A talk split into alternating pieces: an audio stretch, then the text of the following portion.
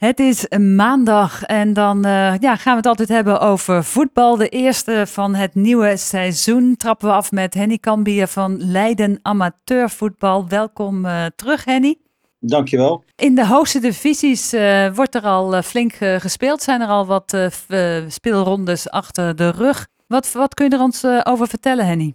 Ja, dat is eigenlijk zoals te doen gebruikelijk. De divisies spelen eerder al uh, gaan ook eerder in de voorbereiding. En dan uh, ja, ergens in augustus begint dat al. Er zijn nu vier speeldagen onderweg, de tweede divisie. En dan kunnen we geruststellen dat Katwijk, de kampioen, uitstekend gestart is. Het uh, won afgelopen weekend in Werkendam van Kozakkenboys met 1 tegen 2. En dat betekent dat Katwijk nog keurig ongeslagen is met 10 punten uit vier wedstrijden. Is één ploeg die de volle buit haalde tot nu toe uit die vier wedstrijden. En dat is HHC Hardenberg. Die formatie denderde op uh, Sportpark ter Spekke, vooral de tweede helft, over Lisse heen met 5 tegen 0. Lisse, dat is een ander verhaal dan Katwijk, want Lisse heeft pas één punt uit vier wedstrijden en is, bevindt zich op dit moment in de onderste regionen voor wat dat uh, voor nu waard is. Noordwijk, ook wel opvallend. Dat speelde gelijk tegen Maasluis, Excelsior. Dat is op zich niet zo opvallend, maar wel dat het al het vierde gelijkspel was van Noordwijk dit seizoen. Met andere woorden, 4 uit 4. Quick Boys leed een eerste nederlaag thuis tegen Koninklijke HFC. Uh, werd het 1 tegen 2 en er werd behoorlijk gemopperd op Niels uit, want er werd een goal afgekeurd en uh, die had volgens de Katwijkers echt goedgekeurd moeten worden. Had ze nog een puntje overhouden aan die wedstrijd, maar dat zat dus niet mee. Rijsburg won gedecideerd in Veenendaal van GVVV met 4 tegen 1. Rijsburg op 6 punten uit drie wedstrijden net als uh, Quick Boys. In de derde divisie, daar hebben we twee vertegenwoordigers. En laten die daar uitgerekend afgelopen weekend tegen elkaar zijn uitgekomen. VVSB en Rijnvogels, die ploegen kennen elkaar van de KNVB-beker, waar een maand geleden zij ook al tegen elkaar aantraden. Toen won VVSB na strafschoppen, na een spectaculaire ontmoeting. Het was nu ook weer uh, heel spannend, maar de winst ging wel mee naar Katwijk dit keer, want Rijnvogels won met 3-2 met een beslissend doelpunt daar van Peer van Paas. Rijnvogels ook uitstekend begonnen aan de competitie. 1 nederlaag, drie overwinningen, 9 punten en daardoor één puntje achter de koplopers. Genemuinen, Urk en Harkemaanse Boys. Ja, en dan VVSB. Hoge verwachtingen toch wel van de kenners. Maar vooralsnog is de start heel moeizaam te noemen. Slechts één puntje uit vier gespeelde wedstrijden voor de Paars-Gele. Dan nog een uh, divisie lager. Daar zijn ze drie wedstrijden onderweg. En daar gaat het uh, vooralsnog bepaald niet crescendo met de vertegenwoordigers uit onze regio. Terlede verloor met 3-2 van Zwift. SJC ging thuis met 1-4 onderuit tegen WVH-EDW.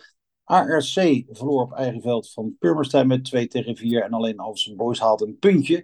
Dat was tegen Huizen, werd het 1-1. Als we daar naar de stand kijken, dan is het Bol uit Broek op Langendijk. Dat staat laatste. Maar daarboven Terleden met 0 punten. Ook uh, SEC 1, Boys 2 en ASC 3. Dus dat schiet nog niet erg op. Maar goed, er zijn uiteraard nog heel veel wedstrijden te spelen en geen reden voor paniek. Maar het zou wel lekker zijn als daar spoedig wat overwinningen komen voor onze regioclubs. Ja, en dan kijken we naar de lagere klassen. Die zijn nog niet begonnen aan een competitie, maar hebben wel uh, beker gespeeld. Ja, districtsbeker spelen een poeltje van vier ploegen. En in groep 1, daar gaan dan de eerste twee door. En in groep 2 en 3 uh, alleen de winnaar. Daar is nog lang niet alles bekend. Voorschoten heeft in ieder geval in die groep 1 nog een kans. Want er werd gewonnen, uh, kans, want er werd gewonnen van Nieuwkoop met 2 tegen 1. Uh, eh, dat is pool 1. In pool 3 daar uh, zal het gaan voor de tweede plaats vermoedelijk tussen Kagia en Valken 68. Kagia verloor dit keer van Jodan Boys met 0-4 en Valken speelde gelijk tegen Olivio. Alvia, dat uh, uh, speelde in pool 6 gelijk bij Wippolder. EMM na een 2-0 achterstand terugkomend op 2-2 tegen BWCB heeft ook nog een kans. En dan in pool 8 was er Leidse onderrondje tussen LFC dat is het uh, voormalige Boshuizen. Is weer uh, teruggekeerd naar de oude uh, clubnaam LFC Leidse Voetbalclub. En zij speelde tegen UVS wonnen met 5 tegen 2. En er was wel een duidelijk verschil op het veld te merken bij de ploegen. Uiteraard nog wel in opbouw. Een hat overigens voor Soufian Boukidous.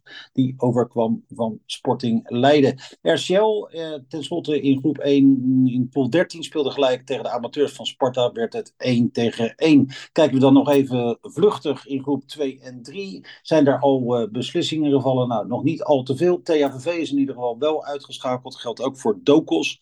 Dat hard onderuit ging tegen Duindorp, werd het 3 tegen 7. ASC is wel goed gestart, heeft zes punten op de teller staan.